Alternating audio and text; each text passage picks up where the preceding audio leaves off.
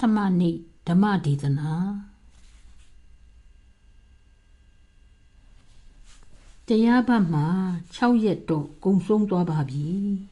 ယောဂီတို့ဆက်လက်ပြီးတရားအားထုတ်ဖို့ရာ နောက်ထပ်၄ရက်သာပဲကြံပါတော့တယ်အဲ့ဒီကြံတဲ့၄ရက်ကိုလေးလေးနက်နက်အင်တိုက်အားတိုက်ကြိုးကြိုးစားစားနီးမှန်လားမှန်နဲ့အားထုတ်ဖို့ရာလိုပါတယ် ဘယ်လောက်ကြီးစူးစမ်းပြီးအားထုတ်နေပေမဲ့လို့ကမ္မထန်နီးမမှန်ရင်တော့သိပ်ပြီးအကျိုးဖြစ်ထွန်းမှာမဟုတ်ပါဘူးကျင့်ရကြိုးနှပ်ဖို့ရန်နီလန်မှန်ဖို့ရလိုပါတယ်ဒါကြောင့်ယောဂီတို့စိတ်ထဲမှာနီးနာနေသရနဲ့လမ်းစဉ်နဲ့ပတ်သက်လို့မရှင်းလင်းတာတွေမရှိစေရပါဘူးမရှင်းလင်းတာယုံမှားတန်တရာ ဖြစ်နေစရာတွေရှိရင်လမ်းမှားတွေရှောက်လိုက်ကုန်ကြပြီးရသင့်ရတတ်တဲ့အကျိုးကျေးဇူးတွေလွတ်ကုန်ကြမှာဖြစ်လို့လမ်းစဉ်အမှန်ကိုသေချာကြနာစွာတိကျပြတ်သားစွာ နားလည်ဖို့ရန်လိုပါတယ်ညပိုင်းတွေမှာတရားဓမ္မစကားဟောပြောတာတွေကြားရတော့တချို့ယောဂီအသစ်တွေက နားထောင်ပြီး อืมသူတို့ရဲ့တရားဓမ္မကလည်းဆင်းရဲဒုက္ခအကြောင်းတွေပဲကြားနေရတော့ဒီကဘာလောကကြီးကလည်းဒုက္ခကြီးပါပဲလားမွေးဒုက္ခနာဒုက္ခအိုဒုက္ခသေဒုက္ခဒီဒုက္ခဟိုဒုက္ခနဲ့သူ့တရားကလည်းစိတ်ညစ်စရာကြီးပဲစိတ်ချမ်းသာခြင်းလို့ရိတ်စာကိုလာပါတယ်ဒီကြမှာစိတ်ညစ်စရာအကြောင်းတွေပဲကြားနေရပါတယ်ဒီလမ်းစဉ်ဟာဖြင့်ဒီနီး နေစရာဟာဖြင့်ကောင်းမွန်မထင်ပါဘူးလို့အောက်မေ့မိတတ်ကြပါတယ်အမြင်မှားမိတတ်ကြပါတယ်ဒီတရားကဒုက္ခဒီအကြောင်းကို ပြောဟောနေပြီးဒုက္ခကလွတ်မြောက်နိုင်တဲ့အကြောင်းမရှိဘူးဘယ်တော့မှမလွတ်မြောက်နိုင်ဘူးဘယ်နည်းနဲ့မှမလွတ်မြောက်နိုင်ပါဘူးတသက်ပြီးတသက်တဘဝပြီးတဘဝဒုက္ခတွေသာဆက်ဆက်ပြီးခံကြပြီတော့ဆိုရင်တော့ ဟုတ်ပါတယ်စိတ်ညစ်စရာကြီးပါပဲစိတ်ညစ်စရာတရားပါပဲလိုက်နာကျင့်သုံးစရာလည်းမရှိတဲ့တရားပေါ့ဒါပေမဲ့ဒီတရားကညွန်ပြတာကတော့ဒုက္ခဆိုတာအမှန်တကယ်ရှိပါတယ်ညင်းလို့မရပါဘူးဒါကလောကရဲ့ဖြစ်ရိုးဖြစ်စဉ်တရားပါပဲဒါပေမဲ့ဒီဒုက္ခတွေကလွတ်မြောက်စေတဲ့ဏီကောင်းတွေရှိပါတယ် ဒီနည်းအတိုင်းလိုက်နာကျင့်သုံးပါရင်အခုဒုက္ခတွေကလွတ်မြောက်နိုင်ပါတယ်လို့အတိအလင်းပြောထားတာဆိုတော့ဒီတရားဒီလမ်းစဉ်ဒီကျင့်ထုံးဟာအင်မတန်ကောင်းတဲ့မွန်မြတ်တဲ့လိုက်နာဖို့ရာအထုသင့်တဲ့တရားဖြစ်ပါတယ်ပုံလေးတစ်ပုံပြောပြပါအောင်မယ်မိခင်တူကသူ့ရဲ့သားငယ်ကို ပလင်းလွတ်တလုံးငွေ30ပေးပြီး စီသွားဝယ်ခိုင်းပါတယ်ဝယ်ပြီးပြန်အလာမှာပလင်းကလွတ်ကျသွားပြီးစီတဝက်လောက်ကဖိတ်ဆင်သွားပါတယ်သားငယ်ကလေးကကြံတဲ့စီတဝက်နဲ့ပလင်းကိုကောက်ယူပြီးငူယိုပြီးအိမ်ပြန်လာပါတယ်အမေရဲ့စီရီတဝက်လောက်တော့ဖိတ်ကုန်ပြီးဆိုပြီးဖိတ်သွားတဲ့စီတဝက်အတွက်ငိုကြွေးနေပါတယ်သူကအစိုးဘက်ကိုသာမြင်တတ်တဲ့ ကြည့်တတ်တဲ့အစိုးမြင်သမားလေးကိုမိခင်ကနောက်သားတစ်ယောက်ကိုနောက်ပလင်းလို့တလုံးနဲ့ငွေ30ပေးပြီးစီသွားဝယ်ခိုင်းပြန်ပါတယ်ဒီသူငယ်ကလေးကလည်းသူ့အကိုလိုပဲပလင်းလွတ်ကျသွားပြီးစီတွေတဝက်လောက်ဟာဖိတ်ကုန်ပါတယ်ဒါပေမဲ့သူကတော့မငိုပါဘူးပြုံးပြုံးရှင်ရှင်နဲ့ပလင်းကိုကောက်ယူပြီးအိမ်ပြန်လာပါတယ် အမေရေပလင်းလွတ်ကြလို့စီတဝက်လောက်တော့ဖိတ်ကြသွားပါတယ်ဒါပေမဲ့တော်ပါသေးရဲ့အမေရဲ့အကုန်ဖိတ်မသွားဘူးတဝက်လောက်တော့ကြံပါသေးတယ်ကြံနေသေးတဲ့တဝက်အတွက်ဝန်စားနေပါတယ်တားနှစ်ယောက်စလုံးဟာဖြစ်ပုံကတော့အတူတူပါပဲတဝက်ဖိတ်တယ်တဝက်ကြံတယ်တယောက်ကတော့ဖိတ်သွားတဲ့တဝက်အတွက်စိတ်မကောင်းဖြစ်ပြီးငိုးနေပြီမဲလို့တယောက်ကတော့ကြံရှိနေတဲ့တဝက်အတွက် ဝန်းစာပြီးပြုံးနေပါတယ်သူကတော့အကောင်းဘက်ကိုမြင်တတ်တာကိုတခါမိခင်လှုပ်သူကတတိယသားတယောက်ကိုခေါ်ပြီး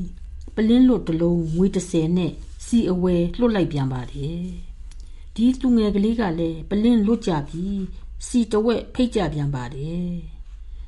သူကလည်းမငိုပါဘူးအိမ်ပြန်လာပြီးအမေကြီးစီတဝက်တော့ဖိတ်သွားပါတယ် တဝက်တော့ကြံနေပါသေးတယ်လို့ပြောပါတယ်ဒါပေမဲ့သူကတော့ဝိပဿနာသူငယ်ကို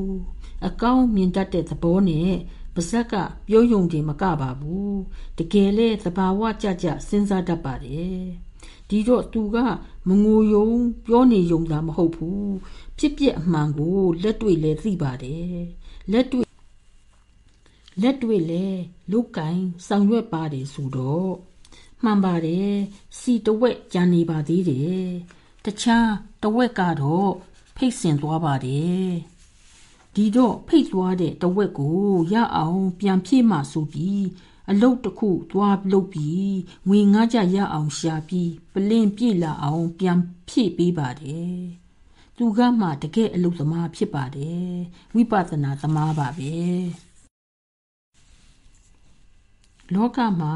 ပူဆွေးနေဖို့ငိုကြွေးနေဖို့အားငယ်နေဖို့မဟုတ်ပါဘူးကိုအားကိုကိုပြီးရီမှန်းချက်နဲ့စိတ်အားထက်သန်စွာနဲ့အဟုတ်အမှန်အတိုင်းကြိုးစားအလုပ်လုပ်ဖို့ရာဖြစ်ပါတယ်အလုပ်ကိုတကယ်လုပ်ဖို့ရာကအင်မတန်အရေးကြီးပါတယ်ယောဂီတို့ဒီကို အခုလာကြတာဟာအလုတ်လုတ်ကြဖို့လာကြတာပဲမဟုတ်လား ညှို့မှန်းနေယုံစိတ်ထက်သန်နေယုံနဲ့မရသေးပါဘူးတကယ်အလုတ်လက်တွေ့အလုတ်လုပ်ကြရမှာဖြစ်ပါတယ်ကြံရှိနေသေးတဲ့လေးရက်မှာနီလန်းကြကြနဲ့အားဆိုင်ပြီးလုပ်ကြပါမြတ်စွာဘုရားကဟောကြားခဲ့တာရှိပါတယ်သဗ္ဗေသင်္ခါရအနိစ္စာတိယတာပညာယပတ္တိ အထနိဗ္ဗိန်တတိဒုက္ခေဧသမေဃဝိတုဒ္ဓိယဒီလမ်းစဉ်ဟာစိတ်ရဲ့တန်ရှင်းခြင်းလမ်းစဉ်ဖြစ်ပါတယ်ကိလေသာအနစ်ကြီးတွေကလွတ်မြောက်ပြီးတန်ရှင်းခြင်းစင်ကြယ်ခြင်းလမ်းစဉ်ဖြစ်လို့ပဂတိတန်ရှင်းလာတာဖြစ်ပါတယ်တဗ္ဗေသင်္ခါရအနိစ္စတိအလုံးစုံသောသင်္ခါရတရားတွေဟာအနိစ္စတွေကြီးပါပဲ ဖြစ်ပေါ်လာကြပြီးချုပ်ငိမ့်ချုပ်ငိမ့်သွားကြပါတယ်ပျောက်ပြက်သွားကြလောင်ကျွမ်းသွားကြပါတယ်သင်္ခါရဆိုတဲ့စကားလုံးဟာအတိတ်ပဲကျေပြန့်ပါတယ်နံခန္ဓာအပိုင်းကိုပြောစဉ်ကစိတ်ရဲ့အပိုင်းကြီး၄ပိုင်းထဲမှာသင်္ခါရအကြောင်းကို ပြောပြခဲ့ပြီးပါပြီစိတ်ရဲ့သဒုဋ္ဌအပိုင်းနောက်ဆုံးအပိုင်းဖြစ်တဲ့အကျိုးပေါ်ပေါက်ပုံအပိုင်း တုံ့ပြန်လုပ်တဲ့စိတ်အပိုင်းတံပြန်ဖြစ်စီတဲ့မျိုးစစ်ဖြစ်စီတဲ့စိတ်အပိုင်းဖြစ်ပါတယ်မျိုးစေ့အလိုက်အသီးသီးပါလိမ့်မယ်။ဒါကြောင့်မျိုးစေ့ဖြစ်တဲ့သင်္ခါရအမှုတစ်ခုကိုလုံလိုက်ပြီးသီးလာတဲ့အသီးဖြစ်ပေါ်လာတဲ့ကုသိုလ်အကုသိုလ်တွေကိုလည်းသင်္ခါရလို့ပဲခေါ်ပါတယ်။လောကမှာစုပုံပြီးစုယုံပြီးဖြစ်လာသမျှတွေဟာ သင်္ခါရတွေပဲဖြစ်ပါတယ်။ဘယ်အရာပဲမဆိုစုပုံပြီးစုယုံပြီးဖြစ်လာရင်ဒီအရာဟာပြိုကွဲရမှာမလွဲပါဘူးဒီလိုပါပဲလှုပ်ဆောင်မှုတစ်ခုက ဖြစ်ပေါ်လာတဲ့အကျိုးဟာလေအားလုံးမမြဲကြပါဘူးအားလုံးကုန်သောသင်္ခါရတရားတွေဟာ မမြဲတဲ့တရားတွေကြီးပါပဲအနိစ္စတွေကြီးပါပဲ ဒီအမှန်တရားကိုယောဂီတို့ကဒါဟာဖြင့်ဖျားဟောလို့ပဲကြံ့ကန်လာလို့ပဲလို့အုံနောက်အသိဉာဏ်နဲ့တုတ္တမယစိန်တာမယဉာဏ်တို့နဲ့တိကြပြီးလက်ခံယုံမျှနဲ့တော့ဝိတုဒ္ဓိမက်ကတန်ရှိရေးလမ်းစဉ်မဟုတ်သေးပါဘူးကြည်ညိုစိတ်သက်သက်နဲ့လက်ခံထားတာကိုယောဂီတို့ကကိုယ်တိုင်ကိုယ်တွေ့လက်တွေ့ဘာဝနာမယဉာဏ်နဲ့တွေ့ထိခံစားပြီး သိနိုင်မှသာယတာပညာယပတ္တိဒီဟာလက်တွေ့တွေ့ကြုံရမယ်သိရမယ်တရားတကယ်ဖြစ်လို့တကယ်မြင်လာရတဲ့အခြေအနေကိုယ်တိုင်တရားထိုင်ပြီးကျင့်လို့ကိုယ်တိုင်တွေ့ကြုံရမယ်အချင်းအရာတွေဖြစ်ပါတယ်ဒီလိုမဟုတ်ရင်တော့ညာစီစားလို့ပေါ်လာတာဖြစ်ပြီးယုံကြည်ကိုးကွယ်တဲ့စိတ်ကြောင့်လက်ခံတဲ့အယူပဲဖြစ်ပါလိမ့်မယ် လက်တွေ့တရားအစစ်အမှန်တော့မဟုတ်သေးပါဘူး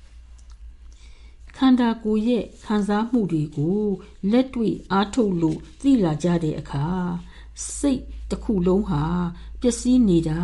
ယိုယွင်းနေတာတွေအပေါ်အာယုံစိုက်ကြည့်လိုက်တဲ့အခါယောဂီတို့ကိုယ်တိုင်ထင်ထင်ရှားရှားသိရှိလာကြပါလိမ့်မယ်ဖြစ်လာတာပေါ်လာတာပျောက်သွားတာ ပြက်သွားတာတွေကိုသိရှိခံစားနေရပါလိမ့်မယ်အမှန်တရားကို ကိုယ်တိုင်မြင်တွေ့နေရခြင်းပါပဲအလုံးစုံသောအရာတွေဟာဖြစ်ပြက်ဖြစ်ပြက်မမြဲတဲ့အနိစ္စပဲဆိုတာကိုခန္ဓာကိုယ်ပေါ်မှာဝေဒနာတွေအဖြစ်နဲ့ဖြစ်ပြက်နေမှုကိုယောဂီတို့ကကိုယ်တိုင်သိရှိခံစားနိုင်ဖို့ရာဖြစ်ပါတယ်။ ကျမ်းတမ်းတဲ့အဆိုင်အခဲဖြစ်တဲ့ပြင်းထန်တဲ့ဝေဒနာတွေဟာလည်းအနိစ္စပါပဲ။ပေါ်လာလိုက်ခဏတည်နေလိုက် ပြီးတော့သူတို့လည်းချုပ်ငိမ့်သွားကြတာပါပဲ။ဖြစ်တယ်တီးနေတယ်ပြက်တယ်ဖြစ်တီပြက်ဖြစ်တီပြက်ဥပထီပင်ဥပထီပင်ဖြစ်စေတီးစေပြက်စေတရားသဘောတွေပေါ်ပေါက်လာကြပါလိမ့်မယ်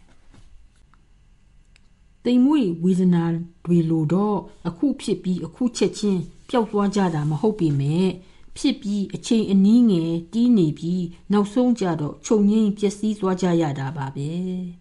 ယောဂီတို့တရားကျင့်နေစဉ်မှာဒုက္ခဝေဒနာဖြစ်တဲ့ကြမ်းတမ်းဝေဒနာတွေရဲ့ နာမှုကျင်မှုကြိုက်ခဲမှုလေးလာမှုတွေကိုတုံ့ပြန်မှုမလုပ်ဘဲခတ်ခွာခွာစိတ်ထားပြီးဆက်လက်ပြီးရှုယုံမျှတာရှုသွားရင်တစ်ချိန်ကျတော့ဒီခံစားရမှုအဆိုင်အခဲတွေအလုံးပျောက်ကွယ်သွားကြပြီးအနာအကျင်တွေယော့သွားပြီးတိမ်မွေ့ဝေဒနာတွေလှိုင်းကလေးတွေလိုတုံခါမှုကလေးတွေလိုတွေ့ထိခံစားနိုင်ကြပါလိမ့်မယ်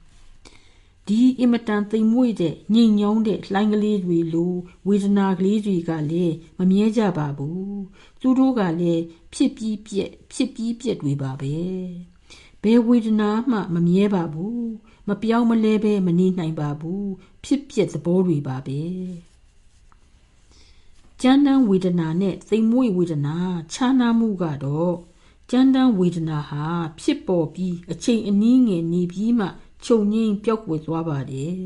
။တိမ်မွေ့ဝေဒနာလှိုင်းကလေးကြီးကတော့ပေါ်ပြီးတာနဲ့တပြိုင်နက်ချက်ချင်းပဲခြုံငိမ့်သွားတာကြီးပါပဲ။ဖြစ်တာပြက်တာမြန်လွန်းအားကြီးတော့အရှိန်အဟုန်ကကောင်းအားကြီးတော့ဖြစ်နေတာတီးနေတာကိုတော့မတွေ့ရတော့ပါဘူး။သူတို့နှမျိုးရဲ့ဂုံအင်္ဂါလက္ခဏာကတော့အတူတူပါပဲတဘာဝကဖြစ်ချုပ်ဖြစ်ချုပ်ပါပဲ ဒီဖြစ်ပြနေခြင်းကိုယောဂီတို့ကဘာဝနာမယဉာဏ်နဲ့ဝိပဿနာအမြင်နဲ့လက်တွေ့ခံစားရပြီဆိုရင်တော့ယတာပညာယပတ္တိဆိုတာပါပဲအထနိဗ္ဗိန်တတိဒုက္ခေစင်ရဲ့ခြင်းဒုက္ခတွေကယောဂီတို့အတွက်မရှိတော့ပါဘူးနာတာကျင်တာကြိုက်တာခဲတာတွေဟာ ကိုခန္ဓာပေါ်မှာရှိနေပေမဲ့လို့ဥပက္ခနဲ့ရှုနေမယ်ဆိုရင် သူတို့ဟာယောဂီတို့အတွက်နာကျင်မှုမဟုတ်တော့ပါဘူးစိတ်အနှောက်အယှက်လည်းမပြုတော့ပါဘူးနာနေပြီမဲ့လို့နာတယ်လို့စိတ်ကတောကတွေမခံစားရတော့ပါဘူးဒီလိုဖြစ်ရတာဟာယောဂီတို့ကကိုယ်စိတ်ကိုယ်ကိုအိမ်ငွေချထားသလိုလှုပ်ထားတာလည်းမဟုတ်ပါဘူး ဝေဒနာဒီရဲ့မမြဲတဲ့တရားကို ကိုယ်တွေ့ခံစားကြရတော့သူတို့ကိုခုံမင်တွေ့တာမှုလည်းမရှိတော့ပါဘူးမလိုမုန်းထားမှုလည်းမရှိတော့ပါဘူးဓာတ်တဘာဝတွေက သူတို့သဘောသူတို့ဆောင်ပြီးဖြစ်ပြနေကြတာပဲလို့သိလာပြီဆိုရင်စိတ်ရဲ့အကျင့်ဟောင်းတွေအစွဲတွေတဲကတဖြည်းဖြည်းလွတ်မြောက်လာကြပြီးစိတ်ရဲ့တန်ရှင်းစင်ကြယ်ရေးလုပ်ငန်းကိုစတင်ဆောင်ရွက်ခြင်းဖြစ်ပါတယ် ယောဂီတို့ဟာနှစ်သက်တာ တွေ့တာတာ မဟုတ်ရင်လေမနှစ်သက်တာ မတွေ့တာတာ မလိုလားတာ မုန်းတီးတာတွေကိုတုံ့ပြန်နေကြမယ်ဆိုရင် ကောင်းကံဆိုးကံသင်္ခါရတွေဟာလည်းပွားတဲ့ပွားများတဲ့များလာတော့ကိလေသာအညစ်အကျေးတွေကလည်းများများလာပြီးဆင်းရဲဒုက္ခတွေကလည်းပွားများလာကြမှာဖြစ်ပါတယ် ကိလေသာအညစ်အကြေးတွေနောက်ထပ်မပွားတော့ဘူးဆိုရင်ဘဝဘဝတွေကစုပုံပြီးဆဲဆောင်လာခဲ့တဲ့ကိလေသာအဟောင်းတွေကံဟောင်းကံကြွေးတွေကစိတ်ရဲ့အပေါ်ယံပိုင်းမှာပေါ်ထွက်လာကြပြီးချုပ်ငိမ့်ချုပ်ငိမ့်သွားကြပါလိမ့်မယ်မြတ်စွာဘုရားကအေးသမေကောဝိတုဒ္ဓိယလို့ဟောခဲ့ပါတယ်ဒီဟာတန်ရှင်းရေးစင်ကြယ်ရေးလမ်းစဉ်တွေပါပဲ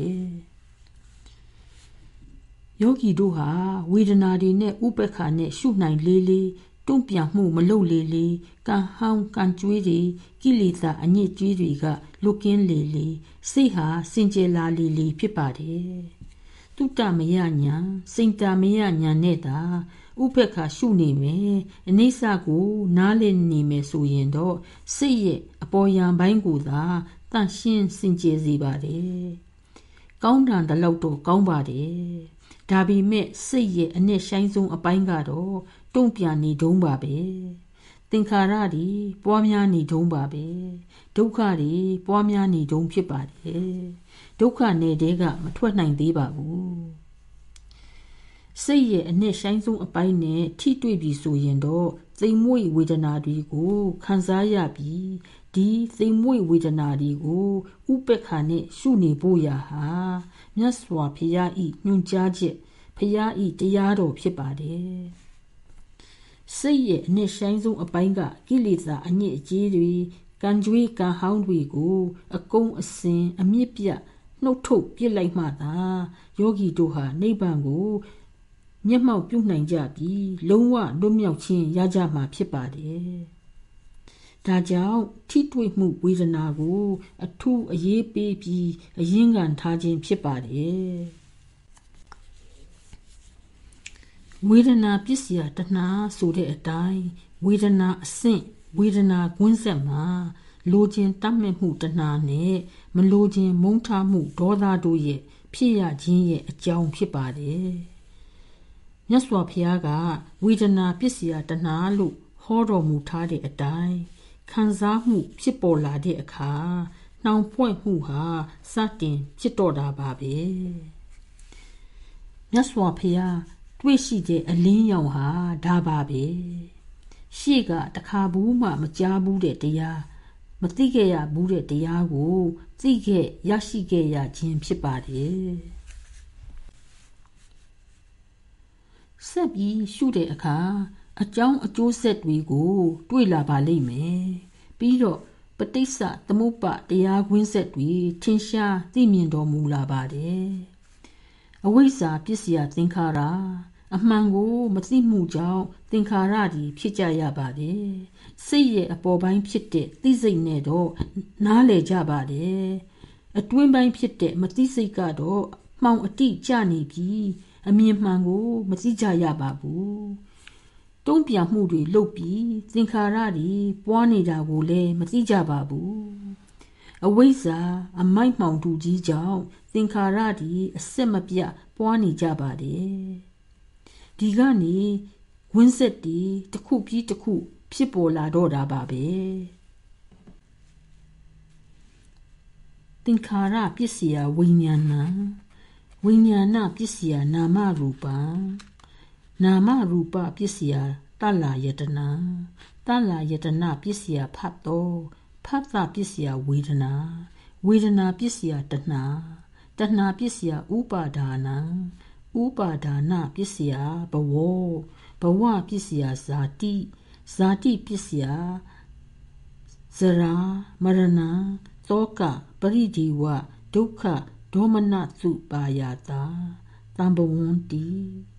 ဧဝမေတတ္တကေဝလတ္တဒုက္ခခန္တတ္တသမှုတယောဟောတိအမှန်မသိမှုအဝိဇ္ဇာကြောင့်ဒုက္ခတွေပွားလိုက်တာပွားလိုက်တာတောင်းပုံရပုံမြတ်စွာဘုရားကဘာဝနာမယဉာဏ်တော်ဖြင့်တရားကိုရှုရင်းရှုရင်းနဲ့စိတ်ရဲ့အနဲ့ဆိုင်ဆုံးအပိုင်းဖြစ်တဲ့မသိစိတ်နဲ့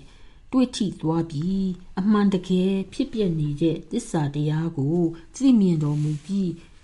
တွေ့ထိဝေဒနာတွေကြောင့်လူချင်းတောင်းတမှုတဏှာလောဘတည်ဖြစ်ရခြင်းအကြောင်းကိုပညာဖြင့်သိမြင်တော်မူပါတယ်။ Now ပဋိစ္စသမုပ္ပါတရားတော်ရဲ့ဂွင်းဆက်ဒီကို အနုလုံပတိလုံအစအဆုံး အဆုံးအစာအဆုံးအစံအစံအဆုံးအပြန်အလှန်ရှုတော်မူပါတယ်ဒီလိုရှုတဲ့အခါမှာပွားများတာဒီရက်ဆဲပြီးတော့ပျောက်ွယ်တာဒီစပြီးဖြစ်ကြတော့တာပါပဲအားလုံးအညစ်အကြေးတွေ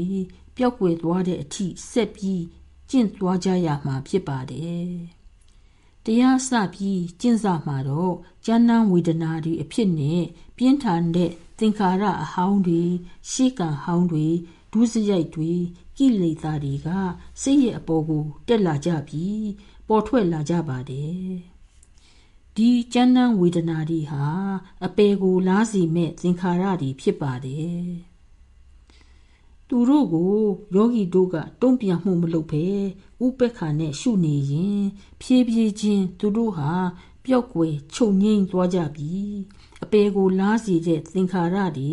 ကုန်ခန့်သွားစီတဲ့အဆင့်ကိုရောက်လာကြပြီးဆက်လက်ပြီးရှုရှုသွားတော့သင်္ခါရတွေအားလုံးဘာမှမကြံအားလုံးကုန်စင်သွားရင်တော့ယုံနံတရားတွေကကြော်လွန်သွားပြီးဖြစ်တာပြက်တာဖြစ်ချုပ်ခြင်းတရားတွေအားလုံးမှလည်းကြော်သွားတဲ့စခန်းကို ရောက်ရှိပါလိမ့်မယ်။တမန်အသိနဲ့သိရတာခံစားရတာမျိုးမဟုတ်ပဲ ဘယ်လိုပဲလို့ပြောမပြနိုင်ပါဘူးယောဂီတို့ဒီစခန်းကိုရောက်ရင်ကိုယ်တွေ့ခံစားရပြီးသိရှိကြမှာဖြစ်ပါတယ်တာမန်ရုပ်နဲ့နာနဲ့ခံစားလို့ရတာမျိုးမဟုတ်ပါဘူးဒီလိုနိဗ္ဗာန်ကို မျက်မှောက်ပြုနိုင်တဲ့အခါကျတော့ဝေဒနာနိရောဓထိတွေ့မှုတွေကုန်ခန်းသွားတဲ့စခန်းကိုရောက်သွားပြီး ထိတွေ့မှုကိုလည်းမခံစားရတော့ပါဘူးဝေဒနာဆိုလို့လည်းဘာမှမရှိတော့ပါဘူးဒီလိုနိဗ္ဗာန်ကို မျက်မှောက်ပြုတာဟာစက္ကန့်ပိုင်းမိနစ်ပိုင်းကလေးကနေနောက်တော့နာရီပိုင်းအထိဖြစ်လာပါလိမ့်မယ်။ဘာဖြစ်လို့ဝေဒနာကို မခံစားရပါသလဲဆိုတော့ဖတ်စာនិရောဓဝေဒနာនិရောဓ ထိတွေ့မှုမရှိတော့လို့ထိတွေ့မှုခံစားရခြင်းလည်းမရှိတော့တာပဲဖြစ်ပါတယ်ထိတွေ့မှုကဘာကြောင့်မရှိတော့တာလဲဆိုတော့သလာယတနာនិရောဓဖတ်တာនិရောဓဒွာရ6ပါးတကား6ပေါက်မရှိတော့လို့အလုတ်မလုတ်ကြတော့လို့ပါပဲဘာကြောင့်ဒွာရ6ပါးကအလုတ်မလုတ်ကြတာလဲဆိုပြန်တော့ နာမရူပនិရောဓတလာယတနာនិရောဓရုပ်တရားနံတရားစုတို့ကအလုံးမလုံးကြတော့လို့ဖြစ်ပါတယ်တလာယတနာនិရောဓဖတ်တនិရောဓဖတ်တនិရောဓဝေဒနာនិရောဓဝေဒနာនិရောဓတဏှာនិရောဓတဏှာនិရောဓဥပါဒါနនិရောဓ ဥပါဒါနនិရောဓဘဝនិရောဓဘဝនិရောဓဇာတိនិရောဓဇာတိនិရောဓဇရာမရဏသောကပရိဒီဝဒုက္ခဒေါမနတုပါယာတာနိရုဇန္တိဝင်းဆက်တွေတစ်ခုနဲ့တစ်ခုဆက်ပြီးတစ်ခုခုပျက်စီးသွားရင်လုံးဝမရှိတော့ပါဘူးဒီလိုဆိုရင် ဝင်းဆက်ကလည်းဆက်ပြီးဆက်ပြီးမဖြစ်တော့ပါဘူးဒီလိုနဲ့အလုံးဝေဒနာနဲ့တဏှာတွေပျောက်ကွယ်သွားကြပြီးဒုက္ခနေတဲ့ကလုံးဝကင်းသွားတဲ့အဆင့်ကို ရောက်ရှိသွားပါလိမ့်မယ်ဘဝဘဝတွေကစုပေါင်းတိုးလောင်လာခဲ့တဲ့သင်္ခါရတွေကံဟောင်းတွေကိလေသာတွေဟာတဖြည်းဖြည်းတလွှာပြီးတလွှာ ပျောက်ကွယ်သွားကြပြီးယောဂီဟာနိဗ္ဗာန်ရဲ့ပထမဆုံးစခန်းဖြစ်တဲ့သောတာပန်ဖြစ်လာပါလိမ့်မယ်သောတာပန်ဆိုတာကတော့နိဗ္ဗာန်ကိုဥတီပြီးစီးနေတဲ့ရေစည်းကြောင်းထဲမှာပါဝင်သွားတဲ့ပုဂ္ဂိုလ်ပါပဲနိဗ္ဗာန်ကိုဥတီပြီးတည်ဆောင်သွားပြီဆိုတော့ဘယ်လိုနီးဘယ်လိုတကိုးနဲ့မှ ဒီသောတပန်ပုဂ္ဂိုလ်ကိုနိဗ္ဗာန်မရောက်နိုင်အောင်တားဆီးပိတ်ပင်လို့မရနိုင်တော့ပါဘူးသူဟာယုံ nant တရားတွေကကြော်လွန်သွားပြီးနိဗ္ဗာန်ကို မလွဲမသွေရောက်မဲ့ပုဂ္ဂိုလ်ဖြစ်ပါတယ်အပေကိုမလားဖို့နဲ့တန်တရာကလွမြောက်ဖို့ရာကျင်းစီသွားပါပြီဒီ တောတပံပုဂ္ဂိုလ်ကဆက်ပြီးတရားကျင့်သွားရင်ကံဟောင်းတွေသင်္ခါရအဟောင်းတွေကပိုးပိုလွမြောက်လာပြီးပိုမိုတန့်ရှင်းစင်ကြယ်လာတော့နောက်တဆင့်ဖြစ်တဲ့တက္ကဒါကံအဆင့်ကိုရောက်ပါတယ်ဒီကနေဆက်ပြီးတန်ရှင်းတဲ့တန်ရှင်းအောင်ကျင့်ကျင့်လာပြရင်တတ္တရအစစ်ဖြစ်တဲ့အနာဂံအဆင့်ကိုရောက်ပါလိမ့်မယ် ဒီအဆင့်ကိုရောက်တော့လေတရားကျင့်တာကိုရလို့မရသေးပါဘူးဆက်လက်ပြီးကျွင်းကြံနေသေးသမျှကိလေသာအညစ်အကြေးတွေကံဟောင်းတွေကိုခြေမုံပြစ်ရပါလိမ့်အောင်မယ်ဒီလိုနဲ့ဝိသင်္ခါရကတံစိတ်တံဇာတိတခါပြန်ဖြစ်စေတဲ့သင်္ခါရတွေအားလုံးမရှိတော့ပဲလုံးဝကင်းစင်သွားတဲ့အဆင့်ကို ရောက်တော့မှ ကံဟောင်းတို့ကိလေသာအညစ်အကြေးတို့ဆိုလို့မြူမှုံမျှမကြံမရှိတော့ပါဘူးနောက်ဘဝတစ်ခုကိုဆက်เสียလဲမရှိတော့ပါဘူးသင်္ခါရတွေလုံးဝမရှိတော့ပဲနောက်ဘဝအစ်စ်တစ်ခုမဖြစ်နိုင်တော့တဲ့အဆင့်ကို ရောက်ပြီးဘဝဒုက္ခကလုံးဝလွတ်မြောက်ပြီးနိဗ္ဗာန်ကို မျက်မှောက်ပြုလူအရိယာပုဂ္ဂိုလ်ဟာယဟန္တာအဖြစ်ကိုရရှိပါတယ် လမ်းစဉ်ဟာတလန်းပြီးတလန်းတဆင့်ပြီးတဆင့်လမ်းဆုံးပန်းတိုင်အထိရှောက်ရမှာဖြစ်ပါတယ်အခုအစဉ်အခုအချိန်မှာတော့ယောဂီဟာပန်းတိုင်ကိုတန်တမနေပါနဲ့အိုးနိဗ္ဗာန်ကိုမျက်မှောက်ပြုခြင်းပါတယ်နိဗ္ဗာန်ကိုမျက်မှောက်ပြုခြင်းပါတယ်နိဗ္ဗာန်ဆိုတာဒီလိုလားဟိုလိုလားလို့မျှော်တွေးနေရင် နိဗ္ဗာန်ဆိုတာနဲ့ตา၍သာဝေးသွားเสียရှိပါတယ်ဒီကမ္မထာနီးရဲ့အရေးကြီးတဲ့အချက်ကတော့ယောဂီရဲ့စိတ်ကိုပြစ္ဆုတ်ပံတဲ့တဲ့မှာထားဖို့ရာဖြစ်ပါတယ်နောက်ကျောင်းတွေတတိယပြီးအတိတ်ထဲမှာမနေဘဲရှေ့ဖြစ်မဲ့အကြောင်းတွေတိုးတိုးညှို့မှန်းပြီးအနာဂတ်ထဲမှာလည်းမနေဘဲအခုအချိန်မှာအဟုတ်တကယ်ဖြစ်ပျက်နေတဲ့လက်ငင်းလက်တွေကို ဘာဝနာမယညာအသိနဲ့သိနေဖို့ရတာဖြစ်ပါတယ်ဘာကိုပဲတွေ့ကြုံရတွေ့ကြုံရဘာကိုပဲခံစားရခံစားရတွေ့ကြုံရခံစားရတာဒီကိုမလွတ်အောင်ကြိုးစားပြီးတတိရှိနေပြီးဥပက္ခစိတ်နဲ့ရှုနေဖို့သာဖြစ်ပါတယ်ဒီလိုဆိုရင်တော့ယောဂီတို့ဟာ နောက်ဆုံးပန်းတိုင်ထိကိုတဖြည်းဖြည်းတဖြည်းဖြည်းတိုးတက်လာကြပါလိမ့်မယ်တတိဥပက္ခတတိဥပက္ခတတိကယောဂီတို့ရဲ့ကိုယ်ခန္ဓာမှာခံစားနေရတဲ့ဝေဒနာတွေကိုသိနေဖို့တတိရှိနေဖို့ဖြစ်ပါတယ်ဥပက္ခကတော့ဖြစ်ပေါ်လာတဲ့ဝေဒနာတွေကိုตาယာတတ်မဲ့ခြင်းတဏှာ မဟုတ်ရင်လေမလိုမုန်းထားခြင်းဒေါသတို့နဲ့တုံ့ပြန်ခြင်းမလုပ်ဖဲစိတ်ကိုအညီအမျှထားပြီးရှုမှတ်နေခြင်းဖြစ်ပါတယ်ဥပက္ခတော့ရှိပါတယ်ဒါပေမဲ့ဝေဒနာတွေကို မခံစားရဘူးဆိုရင်ဝေဒနာတွေကိုတတိရှိမနေရင်ဒါလဲလမ်းမှမဟုတ်သေးပါဘူး ဝေဒနာတွေကိုသတိရှိရှိနဲ့ရှုနေပြီမဲ့လို့စိတ်ကဥပက္ခဖြစ်မနေဘူးတုံ့ပြန်နေတဲ့ဆိုရင်လေလမ်းစဉ်မှာတိုးတက်မှုရှိမှာမဟုတ်ပါဘူးဒါကြောင့်တတိကလည်းမှန်ကန်တဲ့တတိဝေဒနာကလည်းတတိနဲ့ခံစားနေပြီးစိတ်ကလည်းပြစ္ဆုတ်ပံတဲ့တဲ့မှာဥပက္ခစိတ်နဲ့ငြိမ်သက်နေမှလမ်းစဉ်မှာခရီးတွင်မှာဖြစ်ပါတယ် ဥပမာလူတဦးဟာမြစ်ကမ်းနားမှာထိုင်းနေပြီးမြည်ရည်စီးနေတာကို ကြည့်နေတယ်ဆိုကြပါစို့မြည်ရည်ဟာသူ့ဟာသူသူ့အလိုလိုစီးနေတာပါပဲဒီလူဟာရေစီးနေတာရဲ့အနှီးအမြန်ကိုဘယ်လို့မှမထိန်နိုင်ပါဘူးပြောင်းလဲပေးလို့လည်းမရနိုင်ပါဘူးသူက ကြည်နေုံသာပဲကြည်နေရတာပါ တခါတလေရေဟာနည်းနည်းကြမ်းတမ်းလာပြီးလှိုင်းကလေးတွေထလာပါတယ်တခါတလေလဲငြိမ်ငြိမ်သက်သက်ပဲရေစီးနေပါတယ်တခါတလေလဲရေကနောက်နေပါတယ်တခါတလေလဲကြည်လင်းနေပါတယ်သူ့အနေနဲ့ကတော့ရေဘယ်လိုပဲစီးစီးနှေးနှေးမြန်မြန်နောက်စီဖြစ်စီကြည်လင်းနေသည်ဖြစ်စီသူ့စိတ်ထဲမှာဘယ်လိုမှခံစားချက် မရှိဘဲဘယ်လိုမှ တုံ့ပြန်မှုမဖြစ်ဘဲကြည်ယုံမျှတာကြည်နေရမှာဖြစ်ပါတယ်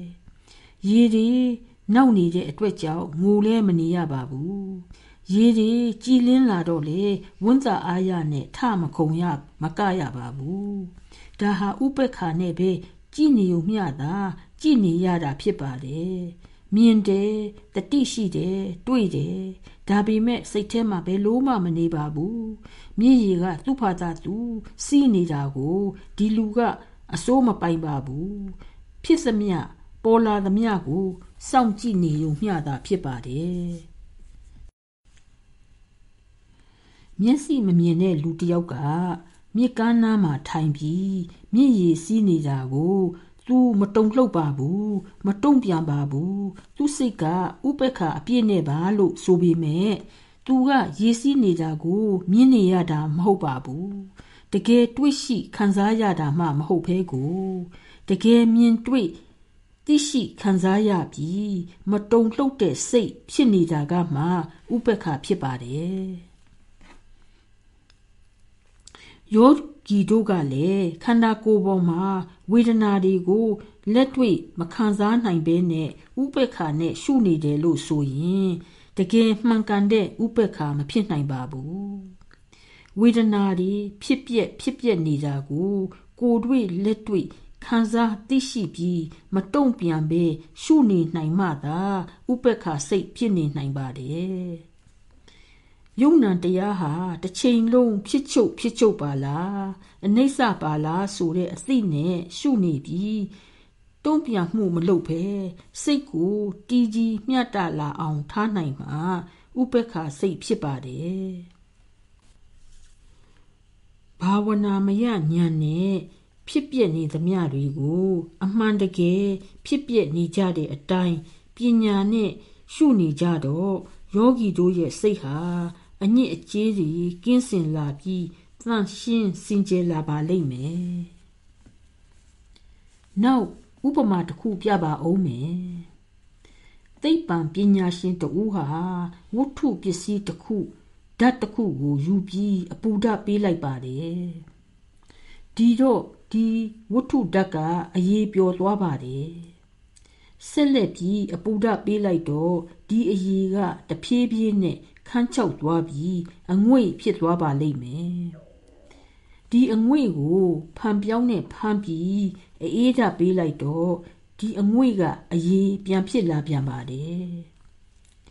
ဒီလိုအမျိုးမျိုးပြောင်းလဲဖြစ်ပျက်နေတာကိုသိပ္ပံပညာရှင်က နားလည်မှုနဲ့ကြည့်ရှုနေပါတယ်ခန်းချောက်သွားလို့အငွေ့ဖြစ်သွားလို့မငိုပါဘူးအရေးပြန်ဖြစ်လာတဲ့အခါကျတော့လေထမခုံပါဘူး ဒါကဒီလိုခန်းချောက်တာကိုဒါကအရေးပြောတာကိုလို့သိတဲ့အသိနဲ့ပဲကြည့်ရှုသိနေပါတယ်ယောဂီတို့ရဲ့ခန္ဓာကိုယ်ထဲမှာလည်းဒီလိုပါပဲပြောင်းလဲမှုတွေအမျိုးမျိုးဖြစ်နေပါတယ်ဒီလိုပြောင်းလဲနေပါလားဆိုတဲ့အသိနဲ့တုံ့ပြန်မှုဘယ်လိုမှမလုပ်ဘဲရှုယုံမျှသာရှုနေရမှာဖြစ်ပါတယ်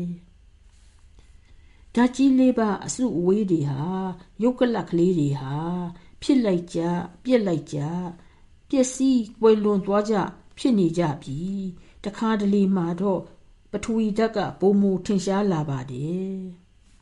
တခါတလေကြတော့လေတေဇောဓာတ်ဝါယောဓာတ်အာဘောဓာတ်တို့တစ်ခုပြီးတစ်ခုမဟုတ်ရင်လေတတစ်ခုတစ်ခုကပိုးပိုပြီးပေါ်လွင်ထင်ရှားလာပါတယ် ဒါပေမဲ့သူတို့အားလုံးဟာဘယ်ဟာမှမမြဲပါဘူးဖြစ်လာပြီးချုပ်ငိမ့်သွားတာကြီးပါပဲအပြင်လောကကြီးမှာလည်းထိုနည်းတူပါပဲယောဂီတို့ရဲ့ခန္ဓာကိုယ်အတွင်းမှာဖြစ်ချုပ်နေကြပါတယ်အပြင်လောကကြီးမှာလည်းဖြစ်ပြီးပြည့်နေတာကြီးပါပဲဒါကိုဘာဝနာမရညာနဲ့သိပြီးကျမ်းတန်းကနေသိမ်မွေ့သိမ်မွေ့ ပိုးမိုးသိမ်မွေ့လာပြီးအသိမ်မွေ့ဆုံးအဆင့်ကို ရောက်စီအထိပိုးမိုးထင်ရှားသိရှိလာကြပါလိမ့်မယ်ဓာတ်ကြီးလေးပါးကို ပြောတဲ့အခါသူတို့ရဲ့အတွင်းတတ္တိလက္ခဏာကို ပြောတာဖြစ်ပါတယ် ပထဝီမြေဓာတ်ဆိုတာဟာယုတ်ကလကလေးထဲမှာမြေမှုံသေးသေးကလေးကိုဆိုလိုတာမဟုတ်ပါဘူးမြေရဲ့တတ္တိလေးလံမှု အဆိုင်ခဲဖြစ်မှုကိုဆိုလိုတာပါအလားတူပါပဲတေဇောဝါယောအာဘောဓာတ်တို့မှလည်းမိတပွင့်ရေတစက်လေအစရှိတာတွေကိုဆိုလိုတာမဟုတ်ပါဘူးသူတို့ရဲ့တတ္တိလက္ခဏာတွေကို ပြောတာပါ မီးဆိုရင်အပူအေးအပူဆုံးကနေအေးဆုံးအထိဟာမီးရဲ့တတ္တိလက္ခဏာဖြစ်ပါတယ်ရေရဲ့လက္ခဏာကတော့ဖွဲ့စည်းမှုဖြစ်ပါတယ်လေရဲ့လက္ခဏာကတော့ထောက်ခံမှုလှုပ်ရှားမှုတို့ဖြစ်ပါတယ်ယောဂီတို့ဟာခန္ဓာကိုယ်ပေါင်းအတွင်းမှာဝေဒနာတွေကိုခံစားနေရတာဟာဓာတ်ကြီး၄ပါးရဲ့လက္ခဏာတွေကို ခံစားနေရခြင်းဖြစ်ပါတယ်။ချမ်းတယ်၊ပူတယ်၊အိုက်တယ်၊ကိုယ်ရည်လက်တွေလေးလံတယ်၊ပေါ့ပါတယ်၊နာတယ်၊ထုံတယ်၊တောင့်တယ်၊တင်းတယ်အစရှိလို့ပေါ့။သူတို့တွေအားလုံးဟာလည်းမမြဲကြပါဘူး။မမြဲတဲ့ဟာဒီကိုအစွဲပြုတ်နေလို့တုံ့ပြန်နေလို့ဘာအကျိုးရှိကြမှာလဲသူတို့တွေဖြစ်ခြင်းတလို့ဖြစ်နေကြပေါ်ခြင်းတလို့ပေါ်နေကြတာပါ ဖြစ်လာသမျှကိုလက်ခံပြီးဥပက္ခရှုနေရမှာဖြစ်ပါတယ်ဓာတ်ကြီး၄ပါးနဲ့သူတို့ရဲ့လက္ခဏာ၄ပါးပေါ်လာတာဟာအကြောင်းရှိပါတယ်အကြောင်းကတော့ခန္ဓာကိုယ်နဲ့စိတ်ယုံနာနာမရူပတို့ပေါ်မှာတည်ပါတယ်ရုပ်ခန္ဓာထဲမှာဓာတ်ကြီး၄ပါးပေါ်ရတဲ့အကြောင်းထဲမှာ ပထမအကြောင်းကတော့ယောဂီတို့စားကြတောက်ကြတဲ့အာဟာရပေါ်မှာတည်ပါတယ်ဥပမာအပူအဆက်စားရင်ပူတဲ့ဝေဒနာတွေခံစားရတတ်ပါတယ်အစီအစိမ့်တွေစားရင်ပထဝီဓာတ်အားကောင်းပြီးတရားထိုင်တဲ့အခါမှာကိုယ်လက်တွေလေးလံတတ်ပါတယ်စားတဲ့အစာကိုလိုက်ပြီးခန္ဓာကိုယ်ထဲမှာယုတ်ကလတ်ကလေးတွေဖြစ်ပေါ်ကြပါတယ်။ ကောင်းမွန်လက်ဆက်တဲ့အာဟာရကိုစားရင်ကျန်းမာတန်ဆွမ်းတဲ့ခန္ဓာကိုယ်ရပြီးမစင့်တင်တဲ့အာဟာရကိုစားရင်ခန္ဓာကိုယ်မှာယောဂရရှိစေပါတယ်။အဲမှာခန္ဓာကိုယ်ထဲမှာယုတ်ကလအမျိုးအစားဝေဒနာအမျိုးအစားတွေပေါ်လာရတဲ့ဒုတိယအကြောင်းကတော့ယောဂီတို့ရဲ့ပတ်ဝန်းကျင်ယာတိဥတုပေါ်မှာတည်ပါတယ်။ ပတ်ဝန်းကျင်ပူမှုအေးမှုတန်ရှင်းစင်ကြယ်မှုညစ်ပတ်မှုตาယာမှု မตาယာမှုတို့ဟာလည်းအလွန်အရေးကြီးပါတယ်။စိတ်ပိုင်းနံပိုင်းဆက်လက်ပြီးဖြစ်ပေါ်လာဖို့ရာကတော့ခန္ဓာကိုယ်ဟာအာဟာရလိုသလိုပဲစိတ်ဟာလည်းအာဟာရလိုပါတယ် စိတ်ရဲ့ပထမအာဟာရကတော့စိတ်ပေါ်မှာဖြစ်ပေါ်နေတဲ့ကောင်းမှုမကောင်းမှု ကုသိုလ်အကုသိုလ်တွေသင်္ခါရတွေဖြစ်ပါတယ်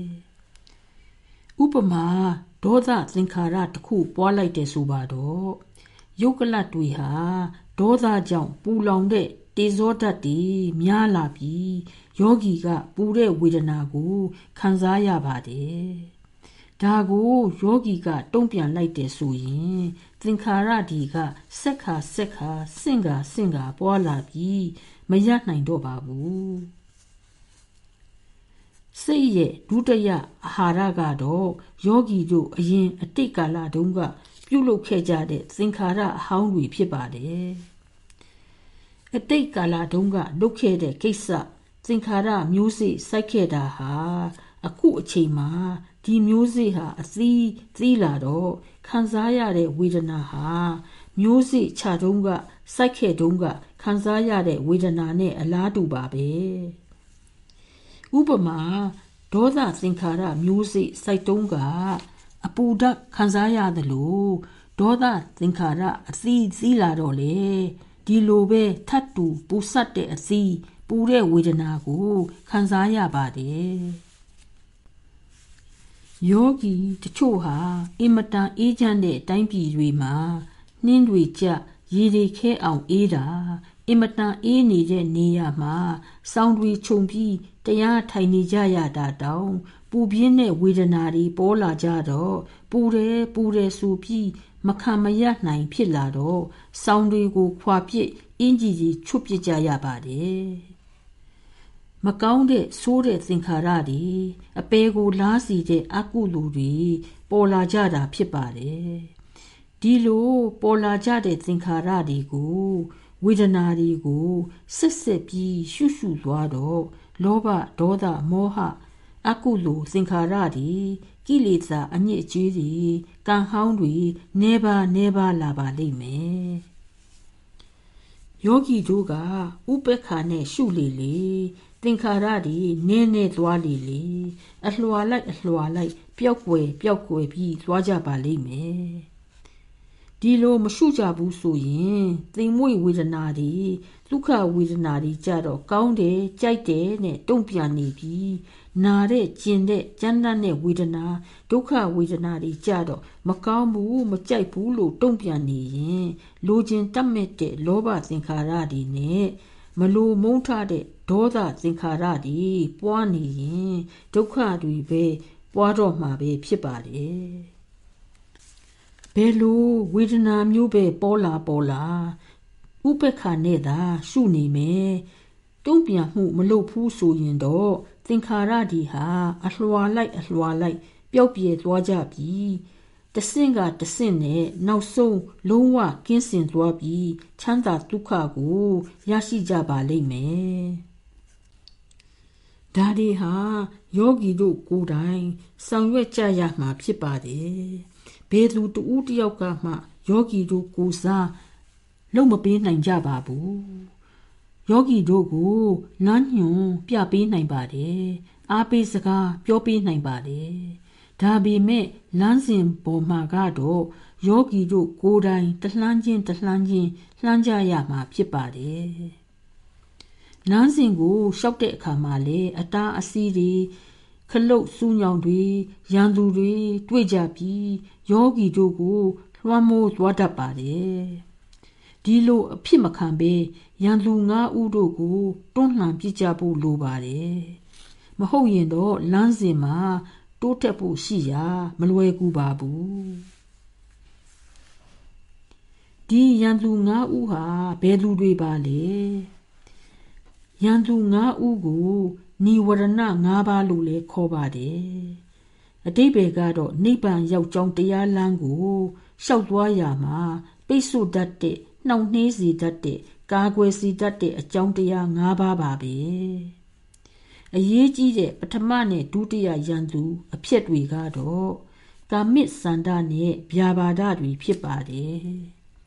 ကာမစ်စန္ဒကကာမဂုဏ်နဲ့ပတ်သက်တဲ့လောဘစိတ်ဖြစ်ပါတယ်ဗျာပါဒကတော့သူတစ်ပါးအပေါ်မကောင်းသောစိတ်ဒေါသစိတ်နဲ့ဆက်သောစိတ်ဖြစ်ပါတယ်တရားစခန်းကိုလာပြီးဝိပဿနာတရားအားထုတ်ကြတာဟာဒီရန်သူဘေးတွေက လွတ်မြောက်ဖို့လောဘဒေါသတွေကလွတ်ကင်းကြဖို့လာကြပါတယ်အမှန်မသိမှုကြောင့်ကိုကိုကိုတော့ငါလေးလေးနက်နက်တရားအားထုတ်နေတာပဲငါဟာဝိပဿနာကျင့်နေတာပဲလို့ထင်နေပေမဲ့တစ်ချိန်လုံးမှာတော့လိုချင်တောင်းတမှုတွေမလိုချင်မုန်းထမှုတွေပွားများနေကြတော့ရန်သူတွေကအနိုင်ယူသွားကြပါတယ်ဥပမာဆိုကြပါစို့ ဒီဆယ်ရက်တရားပတ်မှာပထမ9ရက်မှာလုံးဝစကားမပြောဘဲနဲ့ဝစီပိတ်နှုတ်ပိတ်စိတ်စိတ်နေကြပါလို့ပြောထားပါတယ်ယောဂီတချို့ကစကားမပြောဘဲမနေနိုင်ကြပါဘူးစကားစပြောတာနဲ့သူများအကြောင်းတည်သိကျင်ကြပါတယ်ဘယ်နဲ့လဲထိုင်လို့ရရဲ့လားဘာဝေဒနာတွေများခံစားနေရပါသလဲလို့မေးလိုက်တော့အမေးခံရတဲ့ယောဂီက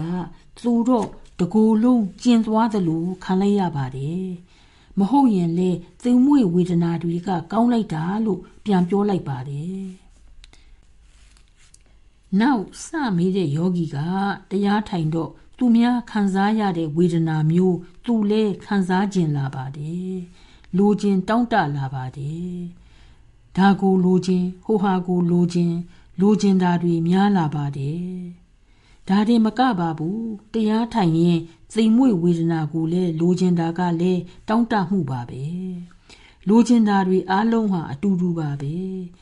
တဏှာတောင့်တမှုမှန်သမျှဟာယောဂီအတွက်ရန်သူပါပဲနိဗ္ဗာန်ကိုလိုချင်ပါတယ်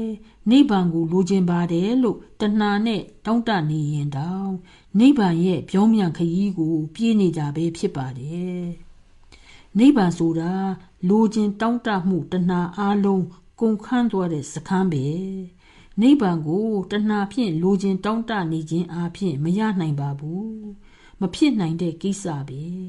ဒါကြောင့်ယောဂီတို့လိုချင်မှုတဏှာလောဘရဲ့လွှမ်းမိုးခြင်းကိုလည်းမခံကြပါနဲ့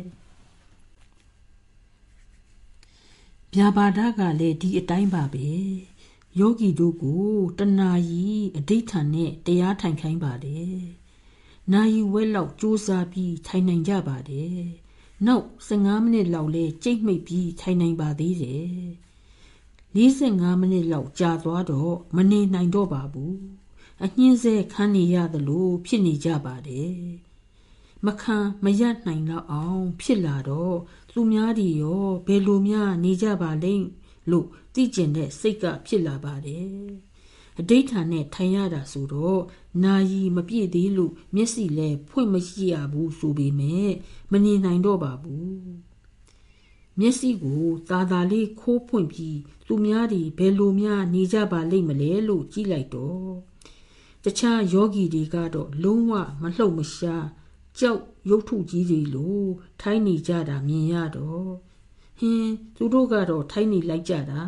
ဘာမှနာပုံကျင်ပုံလည်းမပေါ်ဘူးသူတို့တော့မနာကြတော့ဘူးငါမှတော့နားနေတုံးပဲရှိပါသေးတယ်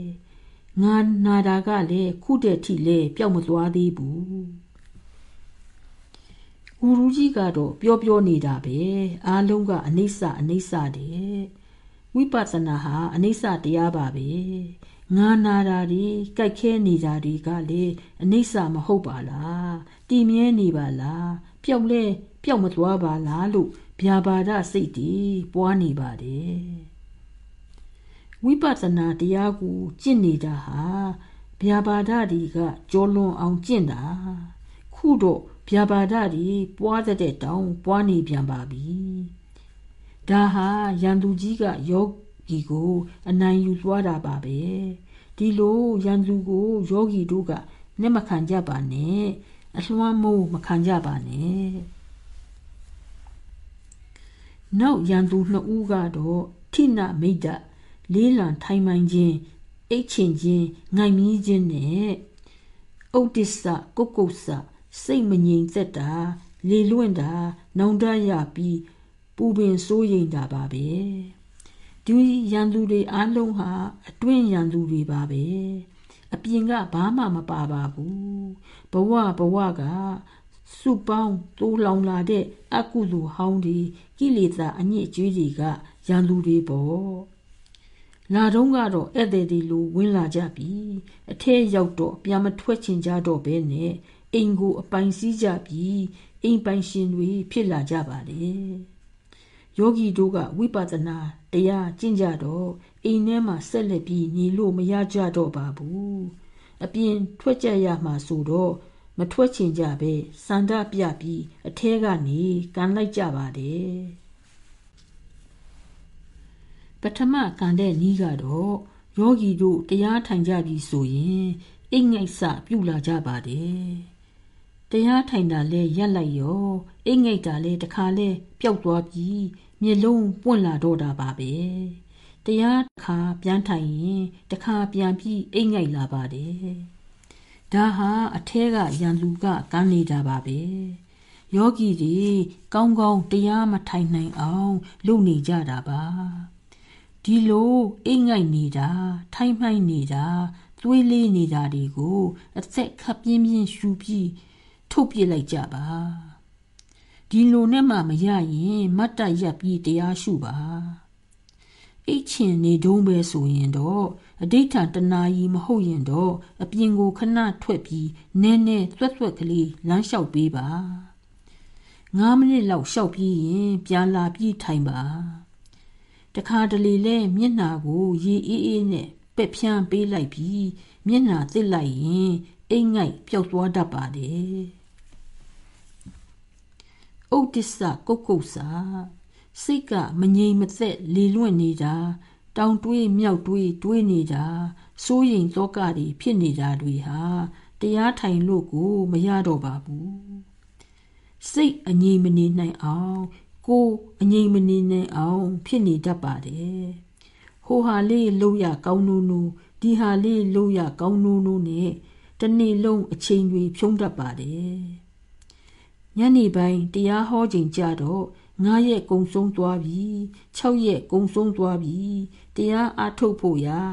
လေးရက်သာပဲကြံတော့တယ်လို့ဆိုတော့မှပဲတနေ့လုံးအချိန်တွေဖြုံးမိကြကိုနှမျောပြီးနောင်တရမိတတ်ပါတယ်စိတ်မကောင်းဖြစ်တတ်ကြပါတယ်ဒါတွေဟာအချီးနှီးတွေပါပဲ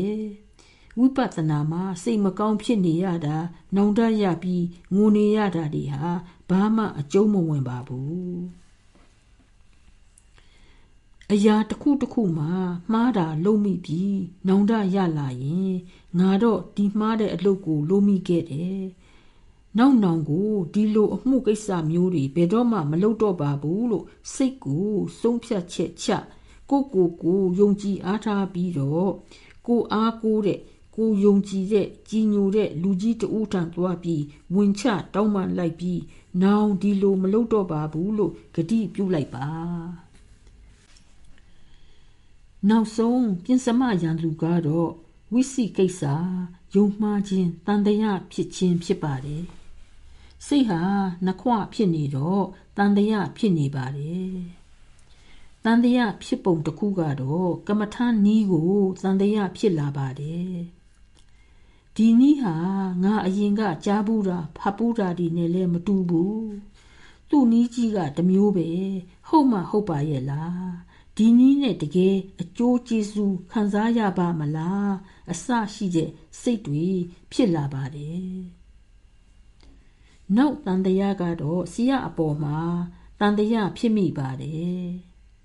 ဒီဆရာကြီးကြည့်ရတာတဲလဲမစွန်ပါဘူးဖုန်ကြီးလည်းမဟုတ်ဘူး သူ့လိုငါလိုပဲမဟုတ်ရင်လေအမျိုးသမီးကမထမ်းဆီယာမပဲသူကဘယ်လောက်များနားလေလို့တော့ကြည့်ရတာတရားမှလည်းဘဟုတုတရှိပုံမပေါ်ပါဘူးတရားစစ်တဲ့အခါမှာဘယ်နဲ့လဲလို့မင်းနေရသေးတယ်သူဆီယာမဆိုရင် သူသိဖို့ကောင်းတာပေါ့လို့ဆရာအပေါ်မှာတန်တရားဖြစ်မိပါတယ် ဒါမှမဟုတ်ရင်လေယောဂီဟာကိုကိုကိုတန်တရားရှိတတ်ပါတယ်ဒီကမ္မထာနီးကတော့နီးကောင်းပါပဲလေဒီဆရာတော်ဖျားကြီးရဲ့မူပဲဒီပြတ်သားပေးနေတဲ့ဆရာဆရာမတွေကလည်းကောင်းပါတယ်သူတို့ကကူညီပေးကြပြီးဒီနည်းကိုကြင့်ကြံလို့အကျိုးကျေးဇူးတွေရသွားတဲ့လူတွေလည်းအများကြီးပါပဲဒါပေမဲ့ငါအတွက်ကတော့မဟုတ်သေးပါဘူး ငါကပါရမီမပါသေးပါဘူးငါအချိန်မဟုတ်သေးပါဘူးလို့ကိုကိုကိုတန်တရားဖြစ်မိတတ်ပါတယ်ဘယ်လိုတန်တရားမျိုးပဲဖြစ်ဖြစ်ယောဂီစိတ်ထဲမှာဒိုလောဒိုလောဇဝေဇဝါဖြစ်နေရင်ယုံမတန်တရားရှိနေရင်တရားလမ်းစဉ်မှာတော့တိုးတက်မှုရှိနိုင်မှာမဟုတ်ပါဘူးရှက်မနေကြပါနဲ့ အာနာလည်းမနေကြပါနဲ့ဆရာနဲ့လာပြီးဆွေးနွေးပါ မရှင်းလင်းတာရှိရင်လေတခါတည်းစိတ်ထဲမှာရှင်းလင်းသွားအောင်မေးပါရှင်းလင်းပြစ်လိုက်ကြပါဒီဝိပဿနာကမ္မထာနည်းကတော့အထူးပြောနေစရာမလိုပါဘူးအင်မတန်ပဲအံ့ဩဖွယ်ကောင်းလောက်အောင် ထူးကြပါတယ်ယောဂီတို့ရဲ့ညစ်ပတ်နေတဲ့အဝတ်တွေကို တန့်ရှင်းစေနိုင်တဲ့ကြီးချွတ်စေးစပ်ပြလိုပါပဲယောဂီတို့စိတ်ထဲမှာရှိတဲ့အညစ်အကြေးတွေကိုအကုန်အစင်စေးကြောပြီးတန့်ရှင်းလာအောင်ဒီတရားနည်းကို အသုံးပြုကြပါအညစ်အကြေးတွေများများစေးကြောနိုင်တယ်လေတန့်ရှင်းလေလေဖြစ်ပြီးယောဂီတို့ရဲ့ဆင်းရဲဒုက္ခတွေကလည်းနည်းနည်းလာမှဖြစ်ပါတယ်ဘယ်လူမဆိုအသုံးပြုနိုင်တဲ့နည်းဖြစ်ပါတယ် သုံးပြီးလူတိုင်းကလည်းအကျိုးခံစားခဲ့ကြရပြီးဖြစ်ပါတယ်မြတ်စွာဘုရားတက်တော်ထင်ရှားရှိစဉ်အခါကစပြီးနှစ်ပေါင်း2500ကျော်ကနေပြီးယနေ့အထိဒီတရားကိုသူ့ငကိုမူလအတိုင်းလိုက်နာကျင့်သုံးကြသူများဟာ ကောင်းကျိုးချမ်းသာတွေကိုခံစားရတာကြီးပဲဖြစ်ပါတယ် မြတ်စွာဘုရားလက်ထက်တော်တုန်းကလည်းလူတွေထောင်တောင်းများစွာလည်းဒုက္ခနယ်တဲကတွမြောက်ကြပါတယ်အင်ကုလိမာလတခိုးကျော်ဟာဒီဘဝမှာတင်ပဲလူပေါင်း996ယောက်ကိုတတ်ခဲ့သူပါတထောင်ပြည့်ဖို့ရန်တတ်ဖို့ရှာနေတုံးမှာပဲမြတ်စွာဘုရားနဲ့တွေ့ရှိပြီးတရားရရှိသွားသူဖြစ်ပါတယ်မြတ်စွာဘုရားကသူ့နဖူးပေါ်မှာလက်တင်ပြီးတော့ သင်တရားရစီလို့စုပေးခဲ့တာမဟုတ်ပါဘူးတကူအာနုဘော်နဲ့ဖြစ်စီတရားနဲ့တရားပေးခဲ့တာမဟုတ်ပါဘူးသူလဲယောဂီတို့လိုပါပဲဝိပဿနာကမ္မထံကိုကျင့်ပြီးဝေဒနာကိုစတိဥပ္ပခါနဲ့ကျင့်ပြီးရှုလာလိုက်တာပါရမီကလည်းအင်မတန်ထူးခြားသူရင့်တန်သူဖြစ်တော့ဒီဘဝမှာပဲ ကံဟောင်းတွေအကုသိုလ်တွေကိလေသာတွေအားလုံးကုန်စင်သွားပြီးယဟန္တာအဖြစ်ကို ရောက်ရှိသွားခဲ့ပါတယ်လူတယောက်ကိုတတ်ဖို့ဆိုတာလွယ်တဲ့ကိစ္စမဟုတ်ပါဘူးအကုသိုလ်စိတ်တွေလောဘဒေါသအင်မတန်လွှမ်းမိုးနေရမှာဖြစ်ပါတယ်လူ996ယောက်တတ်ခဲ့တယ်ဆိုတာယုံနိုင်စရာတောင်မရှိပါဘူးဘယ်လောက်များများလိုက်မဲ့အကုသိုလ်တွေလဲဆိုတာ ဒါတောင်မှဒီအကုသိုလ်အားလုံးကကင်းလွတ်နိုင်ပါတယ်ယဟန္တာဖြစ်ပြီးတဲ့နောက်ရွာတဲ့ရက်ထဲမှာစွန့်ခံကြွတဲ့အခါကျတော့လူတချို့ကခဲနဲ့ဝိုင်းပေါက်ကြတော့တကူလုံးသွေးတွေယိုစီးလာပြီးမဲ့စိတ်ထဲကတော့လူတွေအပေါ်မှာမေတ္တာကရုဏာတွေသာပွားများနေခဲ့ပါတယ်ငါဟာအရင်တုန်းကသူတစ်ပါးတွေကို သတ်ဖြတ်ခဲ့တဲ့မိုက်မှားခဲ့တဲ့လူပဲဒီလူတွေဟာကံကံရဲ့အကျိုးပေးတွေကိုမသိကြလို့ဒီလိုလုပ်ကြတာပဲငါဟာဒီတရားကိုကျင့်ခဲ့လို့ဒီဒုက္ခတွေအမြင်မှားတွေကထွက်ခဲ့ရတယ်သူတို့လည်းသူတို့ရဲ့စိတ်ဆင်းရဲဒုက္ခတွေကလူကင်းကြရအောင်ဆိုပြီးလူတွေကိုလည်းတရားညွှန်ပြပါသေးတယ်တခြားဟာတွေလည်းရှိပါသေးတယ် ကိသာဂေါတမီကလည်းသူအင်မတန်အသက်လောက်ချစ်တဲ့တူးဒီသောသားကလေးသေဆုံးရတော့စိတ်မတီမရနိုင်အောင်ခံစားရပါတယ်သူ့ကိုမြတ်စွာဘုရားကတရားနဲ့ပဲချွတ်ပေးတော်မူပါတယ်တကိုးတော်အနန္ဒနဲ့သေပြီးသူသူ့သားကလေးကို အသက်ပြန်ရှင်လာအောင်ဖန်ဆင်းပေးတော်မမူပါဘူးတရားဓမ္မကိုသာ ပေးတော်မူပါတယ်တရားကိုရတော့ကိစ္စဂေါတမီလဲဆင်းရဲကလွတ်ကင်းခဲ့ရပါတယ်ပတာစာရီဆိုရင်လဲလင်းစီသားစီမိဘစီအတိဒုက္ခအမျိုးမျိုးရောက်ပြီးစိတ်တွေပြက်ပြားပြီးယူသွားရှာပါတယ်မြတ်စွာဘုရားထံကတရားကိုရပြီးကျင့်သုံးပြီးသူလည်းပဲဆင်းရဲတွေကကြော်လွန်ပြီးလွန်မြောက်ခဲ့ရပါတယ်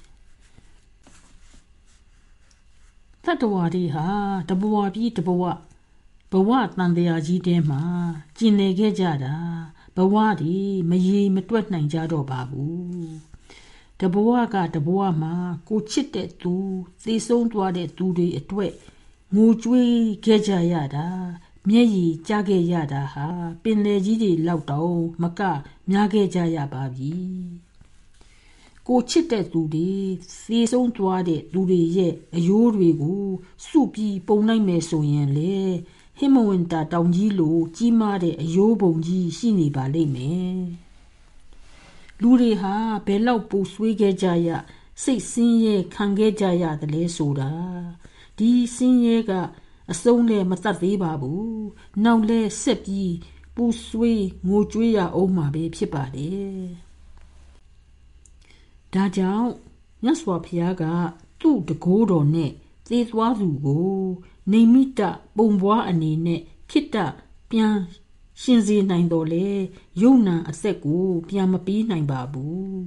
ခိတ္တပြန်ရှင်လာရင်လေခဏစိတ်ချမ်းသာရာရပြီးတနေ့မှသေရအောင်မှဆိုတော့ ငိုကြွေးရမယ်အဖြစ်ပြန်ပေါ်လာပြီးဒုက္ခနေတဲ့ပြန်ဆင်းရအောင်မှဖြစ်တဲ့အတွက်အသက်အစာတရားကိုပြီးခဲ့တာဖြစ်ပါတယ်တရားကလာလျင်ဒုက္ခဆင်းရဲတို့ကို လုံးဝအမြင့်ပြဖယ်ရှားချေမှုန်းနိုင်တဲ့အတွက်ဖြစ်ပါတယ်။တရားကျင့်သုံးကြဖို့ရမှာလေလူတွေဟာအိုးအိမ်ကိုစွန့်လွတ်ပြီးယဟန်သီလရှင်ဝတ်နဲ့မှသာကျင့်နိုင်တာမဟုတ်ပါဘူး။ ယဟန်သီလရှင်ဝတ်နိုင်ရင်တော့အကောင်းဆုံးပေါ့။လူဒုက္ခတွေအတော့ကိုငြိမ့်နေပါပြီ။လူမှုကိစ္စတွေ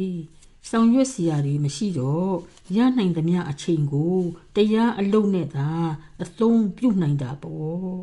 တရားကိုအချိန်ပြည့်ကျင့်နိုင်တာပေါ့ ယဟန်သီလရှင်တွေမဟုတ်တော့လို့တရားမကျင့်နိုင်သေးဘူးလို့တော့မအောင်မေ့ပါနဲ့ယဟန်ဖြစ်စေလူဝတ်ကြောင်ဖြစ်စေဒီတရားကိုနီလန်းကြကြနဲ့ဆွဲဆွဲမြဲမြဲကျင့်သွားကြရင်တော့ရီမှန်းချက်ထားတဲ့ပန်းတိုင်ကို ရောက်ကြရမှာပါပဲ အနာတပိန်တထေးကြီးဆိုတာမြတ်စွာဘုရားလက်ထက်တော်ကအချမ်းသာဆုံးသောပုဂ္ဂိုလ်ကြီးတွေထဲမှာတဦးပါပဲဒါပေမဲ့ဘယ်လောက်ပဲချမ်းသာချမ်းသာဒုက္ခဆင်းရဲကတော့မလွတ်ကင်းနိုင်သေးပါဘူးမြတ်စွာဘုရားထံကတရားဓမ္မကိုရပြီးကိုကိုတိုင်လိုက်နာကျင့်သုံးတော့သောတာပန်တည်ပါတယ်။ဆင်းရဲတဲ့လူတွေကိုရရရောရောအလှကြီးပေးတဲ့လူဖြစ်တော့ဒါနအရာမှာ ပြောပွဲရာမရှိပါဘူး။ဒါနရှိပေမဲ့ဓမ္မမရှိဖြစ်နေတာပေါ့။ဒါနဟာအင်မတန်ကောင်းပါတယ်။ဒါပေမဲ့အတ္တနဲ့ရှင်းနေတဲ့ဒါနတော့မဖြစ်သင့်ပါဘူး။ဒါနပြုတာဟာမိမိရိုးရိုးသားသားကြိုးကြိုးစားစားနဲ့ရှာဖွေရရှိခဲ့တဲ့ဥစ္စာပစ္စည်းတွေကို သူတစ်ပါးတည်းနဲ့ဝေငှခြင်းဖြစ်ပါတယ်ကိုတူးတဲ့အကျိုးခံစားကြဖို့ တကူကောင်းစိတ်မဟုတ်ပဲပေကံဝေငှခြင်းနဲ့စိတ်ဟာစိတ်ကောင်းစိတ်မြတ်ပါပဲသူတစ်ပါးအတွက်စဉ်းစားတတ်တယ်ဆိုရင်ပဲကို့အတွက်ငါဆိုတဲ့အတ္တကတိတ်မပါတော့ပါဘူးအနာတပိန်တထေးကြီးကလည်းဗုဒ္ဓနဲ့တွေ့ပြီးတရားရလာတော့စိတ်ထားတွေပြောင်းလဲပြီးစေတနာတွေကလည်းပြောင်းလာပြီးလူများအကျိုးကို ပိုမိုလိုလားလာပါတယ်စင်းရဲနွမ်းပါသူတွေကိုငါပိုက်ဆံပေးလိုက်တာငတ်မို့နေတဲ့သူတွေကိုအစာကျွေးလိုက်တာဟာကောင်းတော့ကောင်းပါတယ်ငတ်နေတဲ့သူဟာအစာစားလိုက်ရလို့တနေ့အတွက်တော့သူဟာအစာပြေသွားတာပေါ့နောက်တရက်ကြတော့ပြန်စားတာပါပဲ အဝိအစားမရှိတဲ့လူကိုအဝိအစားပေးရင်နောက်တစ်နှစ်ကြတော့စုပ်ပြတ်ကုန်ပြီးအဝိအစစ်လိုပြန်တာပါပဲဖျားနေတဲ့သူကိုစေဝါပေးရင်လေအခုဖျားနာတာပျောက်ကွယ်သွားပြီမဲ့နောက်ယောဂတစ်မျိုးမျိုးပေါ်ပေါက်ဖြစ်စည်းအောင်မှာပါပဲတရားဓမ္မကိုပေးလိုက်ရရင်တော့ဆင်းရဲတွေခတ်သိမ်းဒုက္ခတွေအလုံးစုံက လွတ်မြောက်ကြမှာဖြစ်ပါတယ်လို့တွေးမိပါတယ်တပ္ပရတ္တံဓမ္မရတ္တောဇာနာတိတပ္ပဒါနံဓမ္မဒါနံဇာနာတိအယတာအာလုံးတို့တွင်ဓမ္မရတ္တတရားဤအယတာသည်အကောင်းဆုံးအမွန်မြတ်ဆုံးဖြစ်ပါတယ်သဗ္ဗဒါနံ ဓမ္မဒါနံဇာနာတိအလှပေးခြင်းအာလုံးတို့တွင်ဓမ္မဒါနတရားအလှူကိုပေးခြင်းသည် အကောင်းဆုံးအမွန်မြတ်ဆုံးဖြစ်ပါတယ်ဒီတော့လူတွေများနိုင်တဲ့လောက်များများတရားဓမ္မတွေရစီခြင်းတဲ့စေတနာကောင်းတွေသူ့စိတ်ထဲမှာဖြစ်ပေါ်လာပါတယ်သူကသူနေတဲ့တာဝတိမြို့မှာ မြတ်စွာဘုရားနဲ့တပည့်ယဟန်တွေအတွေ့ကျောင်းဆောက်လှူဖို့စိတ်ဆုံးဖြတ်ချက်ချပြီးမြတ်စွာဘုရားရဲ့ခွင့်ပြုချက်အရကျောင်းဆောက်ဖို့နေရာကိုရှာပါတယ်။ကျောင်းကတရားစခန်းလေးဖြစ်မှာဆိုတော့မြို့နဲ့သိပ်မနီးမဝေးစီရပါဘူး။မြို့နဲ့နီးအားကြီးတော့လေစူဇန်ညံတန်တွေရှိပြီးတိတ်တိတ်ဆိတ်ဆိတ်ငြိမ်ငြိမ်သက်သက်ရှိမှာမဟုတ်ပါဘူး။ ဝေးအားကြီးတော့လေလူတွေသွားရလာရခက်မှစိုးရပြန်ပါတယ်။မြို့အပြင်ဘက်လောက်မှာပဲတင့်တော်တဲ့နေရာမှာဥယျင်ကြီးခြံကြီးတစ်ခုတွေ့ပါတယ်တစ်ပင်ဒီအရေးအဝါသတွေများပြီးအေးချမ်းတယ်ငြိမ်သက်တယ်ဆိုတော့ဒီနေရာကိုသဘောကျပြီးဝယ်ဖို့ရာ ချမ်းပိုင်ရှင်ဘယ်သူလဲလို့စုံစမ်းလိုက်တော့ဇေတမင်းသားရဲ့ချမ်းဖြစ်နေမှသိရပါတယ်မင်းသားထံသွားပြီးဝယ်တော့မင်းသားကမယောင်းပါဘူး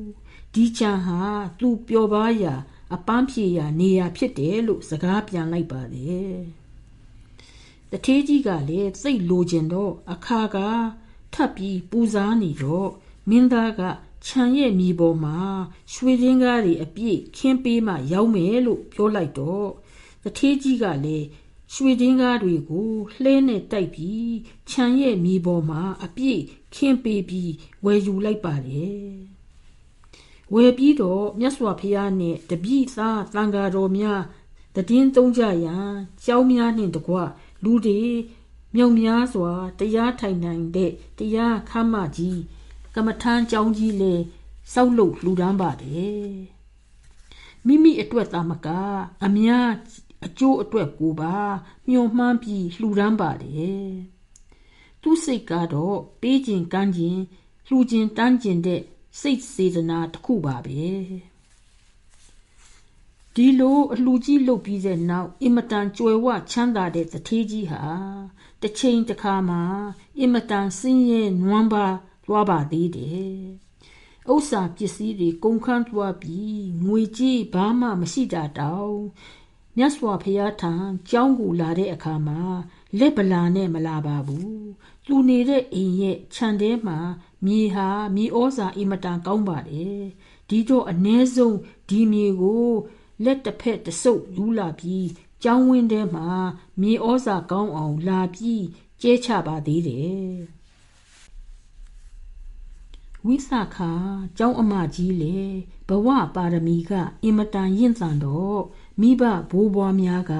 မြတ်စွာဘုရားထံလာပြီးတရားကျင့်ကြတော့သူလဲပါပါလာပြီးတရားကျင့်တော့ခုနှစ်နှစ်သမီးအရွယ်မှာပဲတရားရင့်ကျက်လာပြီးသောတာပန်တည်ပါတယ်။နောက်အိမ်တော်ကြပြီးရောက်ခမအိမ်ကိုလိုက်နေရပါတယ်။ ရောက်ခမမိမသူကွယ်လွန်သွားပြီဖြစ်တော့ရောက်ခမရောက်ကျသူနဲ့နေရပါတယ်။ဒီလူကြီးဟာအင်မတန်တရားမရှိတဲ့သူဖြစ်နေတော့လောဘဒေါသမောဟတွေလွှမ်းမိုးနေပြီးနှလုံးစိတ်ဝမ်းအေးချမ်းမှု လုံးဝမရှိဘဲဒုက္ခတွေဝေးနေပါတယ်ဝိသခာချွေးမကလေးကငငယ်လေးကျဲကတရားရသူလေးဖြစ်တော့ဒီပူလောင်တဲ့ အိမ်အောင်ကြီးကို သူ့ရဲ့တရားနဲ့အေးမြစေပါတယ်ရောက်ခမကြီးကတော်တော်လေးနှမျောစင်းနေသူဖြစ်တော့ဒါနပြုတယ်ပေးကမ်းစွန့်ကြဲတယ်ရေလို့ဘယ်တော့မှမရှိပါဘူးတနေ့တော့သူထမင်းစားနေတော့ယဟန်တပါးဟာသူ့အိမ်ရှိမှစွန့်လာရပ်ပါတယ်သူကမပေးခြင်းမကမ်းခြင်းစွန့်မလောင်းခြင်းတော့ သူစားနေတာကိုမမြင်စေခြင်းတာနဲ့ယဟန်ကိုကြောပေးထားပြီးစားနေပါတယ်ဒီတော့ဝိသခါကယဟန်ကိုလျှောက်ထားပါတယ်အရှင်ဖျားကတော့စွန်းပါဖျားတပည့်တော်မရဲ့ရောက်ခမကြီးစားနေတာဟာထမင်းသိုးဟင်းသိုးတွေပါဖျားလို့ဆိုတော့ယဟန်ကြကြွသွားတော့ရောက်ခမကြီးကစိတ်ဆိုးပြီးနင်းပဲလို့ ပြောလိုက်တာလေငါစားနေတာဒီဟာအသိုးတွေမှမဟုတ်ပဲစားကောင်းတောက်ဖွယ်ဒီပဲလို့ပြောပါတယ်ဝိသခာဟာအင်မတန်လိမ္မာရေးချရှိသူကလေးဖြစ်တော့ရောက်ခမကြီးကိုရှင်းပြပါတယ်ထမင်းသူဟင်းသူဆိုတာကဒီလိုပါ အခုအဖေစားနေတဲ့ခံစားနေရတဲ့စီးစိမ်ချမ်းသာတွေစားကောင်းတောက်ဖွယ်တွေဟာ အဖေအရင်ဘဝဘဝတွေတုန်းကပြုတ်လုခဲ့တဲ့မျိုးစိချခဲ့တဲ့ရှေ့ကုသိုလ်တွေကြောင့်ဒီဘဝမှာအစည်းစီးပြီးခံစားဆန်စားနေရတာပါစားတော့နေရတာပါဒါဒီဟာအခုဘဝအခုစိုက်တာတွေမှမဟုတ်ပဲအရင်ကဟာဒီအဟောင်းအကျွင်းတွေပေါ့ဒါကအရင်ကချက်ထားတဲ့ထမင်းသိုးဟင်းသိုးတွေပေါ့ လက်လက်ဆက်ဆက်အခုဒီဘဝမှာချက်ထားတာမှမဟုတ်ပဲအခုဘဝမှာတော့အဖေကနှမျောတွန့်တိုနေပြီမပေးရဲ့မကမ်းရဲ့နဲ့ကောင်းမှုကုလိုဒါနဆိုလို့ဘာမှလည်းမလုပ်ကောင်းမှုကုလိုမျိုးစေ့လည်းမချတော့နောင်ဖြစ်ရမယ်ဘဝဒီမှာအဖေမှာဘာစီးစိမ်ဘာဥစ္စာရဲ့လို့မှရှိမှာမဟုတ်ဘူးစားစရာလည်းရှိမှာမဟုတ်ဘူး ဘာအသီးကောင်းမှလည်းရမှာမဟုတ်ဘူးလို့နားလေအောင် ရှင်းပြလိုက်တော့ရောက်ခမကြီးကနားလေသွားပါတယ်ကြံတဲ့အိမ်သားတွေကလည်းတရားကိုနားလေပြီးလက်ခံလာပြီးအိမ်တော်စုတစ်ခုလုံးဟာအင်းငိမ့်ချမ်းသာ ဖြစ်လာကြပါတယ်ဒီဟာမျိုးတွေဟာမြတ်စွာဘုရားတက်တော်ထင်ရှားရှိစဉ်ကလေးကဖြစ်နေတာနှစ်ပေါင်း2500ကျော်တုန်းကလည်းဒီလိုပါပဲ အခုခေတ်အခုအခါလူတွေမှလည်းဒီလိုပါပဲဝိပဿနာတရားကိုမှန်ကန်ကြံ့နာစွာကျင့်သုံးကြရင်တော့အကျိုးတူးများခံစားကြရမှာဖြစ်ပါတယ်ဒီဘဝမှာတင်ပဲအကုသိုလ်စိတ်တွေနင်းနေလာပြီးအစွဲအမျိုးမျိုးတွေကကျွတ်လာကြပြီးအင်းငိမ်ချမ်းသာပျော်ရွှင်စွာနေနိုင်ကြပါလိမ့်မယ် ကိုရူကြီးကိုယ်တိုင်လည်းတွေးရှိပြီးပါပြီအရင်ကဒုက္ခတွေဝေစားနေတဲ့ယောဂီတွေတရားထိုင်ပြီးအခုတော့အေးချမ်းပြီးအိမ်တော်ရေးမှရော အလုတ်ခွင်မှရောตาယာပြီးအစဉ်ပြေးနေကြတာဒီကို အများကြီးတွေ့ရပြီးပါပြီတရားဟာလူတဦးနှစ်ဦးအတွက်သာမဟုတ် လူပေါင်းများစွာတို့ကို အကျိုးဖြစ်စေပါတယ် အခုယောဂီတို့ဟာမိမိတို့ရဲ့ထူးကဲတဲ့ပါရမီတွေကြောင့်တရားရိပ်သာကိုရောက်လာကြပြီးတန်ဖိုးမဖြတ်နိုင်တဲ့တရားယတနာဒီကိုရနိုင်ယူနိုင်ကြတဲ့အခွင့်အရေးတွေကိုရနေကြပါပြီယောဂီတို့ရဲ့အတွင်းစိတ်မှာရှိတဲ့အညစ်အကြေးတွေကိုတန့်စင်စေနိုင်တဲ့တရားစပ်ပြာကိုလည်းရကြပြီဖြစ်လို့ ယောဂီတို့စိတ်တွေတန်ရှင်းစင်ကြယ်လာကြရအောင်ယောဂီတို့ရဲ့တသက်တာမှလည်းအင်းငိမ့်ချမ်းသာပျော်ရွှင်နေကြပြီးကိုယ့်အတွက်ရောသူများအတွက်ပါ အကျိုးကျေးဇူးများဖြစ်စေနိုင်တဲ့တရားဖြစ်ပါတယ်ကြံရှိနေတဲ့လေးရက်ကို အကောင်းဆုံးအသုံးပြုကြပါဘဝအဆက်ဆက်ကစုပေါင်းသိုးလောင်လာခဲ့တဲ့ ကံဟောင်းကံကြွေးတွေကိလေသာအညစ်အကြေးတွေကိုအမြစ်ကစခြေမှုန်းပြစ်လိုက်ကြပါယောဂီတို့စိတ်မှာရှိနေတဲ့အစွဲတွေအကျင့်ပုံစံတွေကိုပြောင်းပြစ်ကြပါစိတ်ရဲ့အတွင်းအနဲ့ဆိုင်ဆုံးအပိုင်းနဲ့ဆက်သွယ်ပြီးဝေဒနာတွေကိုတတိနဲ့ဥပ္ပခါနဲ့ရှုကြပါတတိဥပ္ပခါ တတိဥပ္ပခါနဲ့ရှုရှုသွားရင်ကံဟောင်းကံကြွေးကိလေသာတွေအလွှာလိုက်အလွှာလိုက်ပျောက်ကွယ်သွားကြပြီအနှောင်အဖွဲတွေခြေခွင်းတွေကံဟောင်းတွေသင်္ခါရအဟောင်းတွေကလွတ်မြောက်လာပြီးနိဗ္ဗာန်ကို မျက်မှောက်ပြုနိုင်ကြပါလိမ့်မယ်ယောဂီတွေအားလုံးဆင်းရဲအပေါင်းဒုက္ခအပေါင်းက ကြောလွန်လွတ်မြောက်ကြပါစေကြောလွန်လွတ်မြောက်ကြပြီတကယ်အေးချမ်းချမ်းသာနှင့်တကွာအစစအရာရာမှာအစဉ်ပြေကြပါစေအစဉ်ပြေကြပါစေဘဝတုသဗ္ဗမင်္ဂလံခတ်သိမ်းသောမင်္ဂလာသည် ဖြစ်ပါစေတည်း